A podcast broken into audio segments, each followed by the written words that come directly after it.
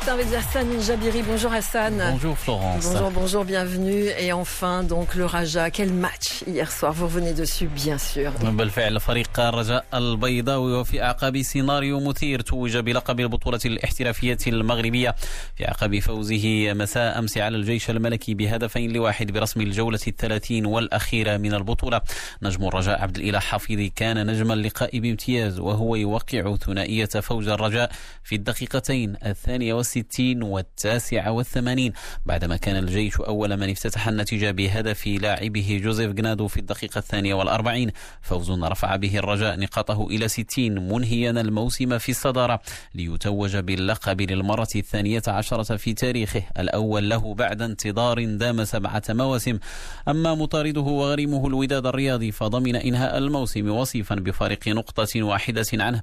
في أعقاب تفوقه على مضيفه الفتح الرباطي بهدفين لواحد الوداد ختم الموسم بتسع وخمسين نقطة ليضمن المشاركة في دوري أبطال إفريقيا.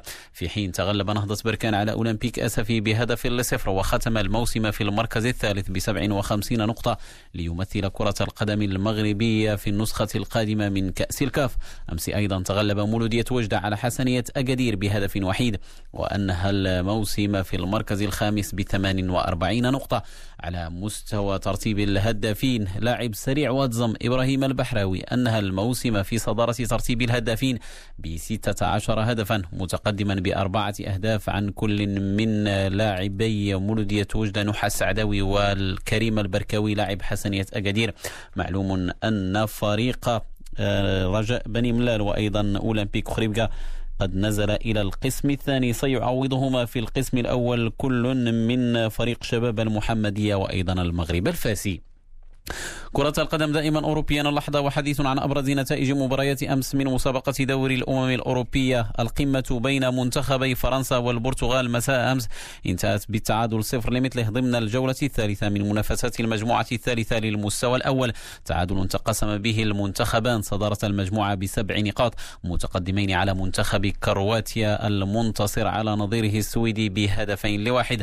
أما بالمجموعة الثانية منتخب إنجلترا تفوق على منتخب بلجيكا بهدفين لواحد وتصدر المجموعة بسبع نقاط متقدما على خصمه البلجيكي بنقطة واحدة. أما بالمجموعة الأولى منتخب إيطاليا ظل متصدرا للمجموعة بخمس نقاط في أعقاب تعادله مع منتخب بولندا بصفر. لمثلها النتيجة ذاتها آل إليها لقاء منتخب هولندا ضد نظيره البوسني. بعيدا عن كرة القدم في كرة السلة توج فريق لوس أنجلوس ليكرز بلقب دوري كرة السلة الأمريكي للمحترفين إن بي عقب فوزه على خصمه ميامي هيت ب 103 نقاط ل 96 نقطة في المباراة السادسة من سلسلة مباريات النهائية التي تحسم على أساس الأفضل في سبع مباريات. ليكرز تقدم بذلك بأربع انتصارات لانتصارين منهيا الصراع على اللقب لصالحه. لقب هو الأول له منذ العام 10 وألفين السابع عشر في تاريخه عادل به الرقم القياسي لغريمه بوسطن سيلتكس. مع تتويجات دائما هذه المرة في كرة المضرب وبطولة رولان جاروس الفرنسية أحد البطولات الأربع الكبرى. فللمرة الثالثة عشرة في تاريخه أحرز الإسباني رافائيل نادال لقب البطولة الفرنسية في أعقاب فوزه في النهائي على الصربي نوفاك ديوكوفيتش بثلاث جولات دون رد.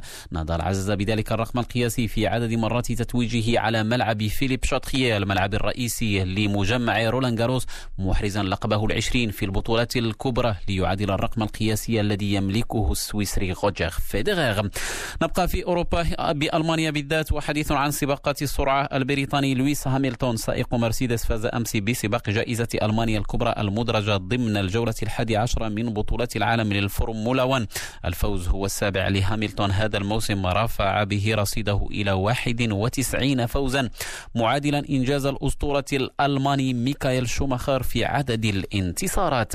ونختم بالحديث عن رياضة الجولف حيث توج الأسكتلندي مارتن ليرد بلقب بطولة Shriners Hospitals for Children أحد بطولات رابطة المحترفين الأمريكية PGA التي اختتمت أمس على مسالك TPC Summerlin بلاس فيغاس.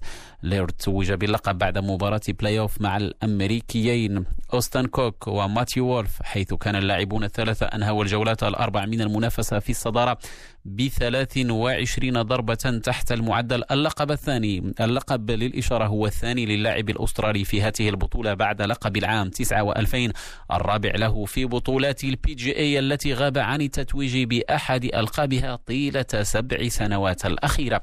بذلك مستمعينا نضع نقطة نهاية صباح الرياضة. أشكركم على طيب الإصغاء والمتابعة.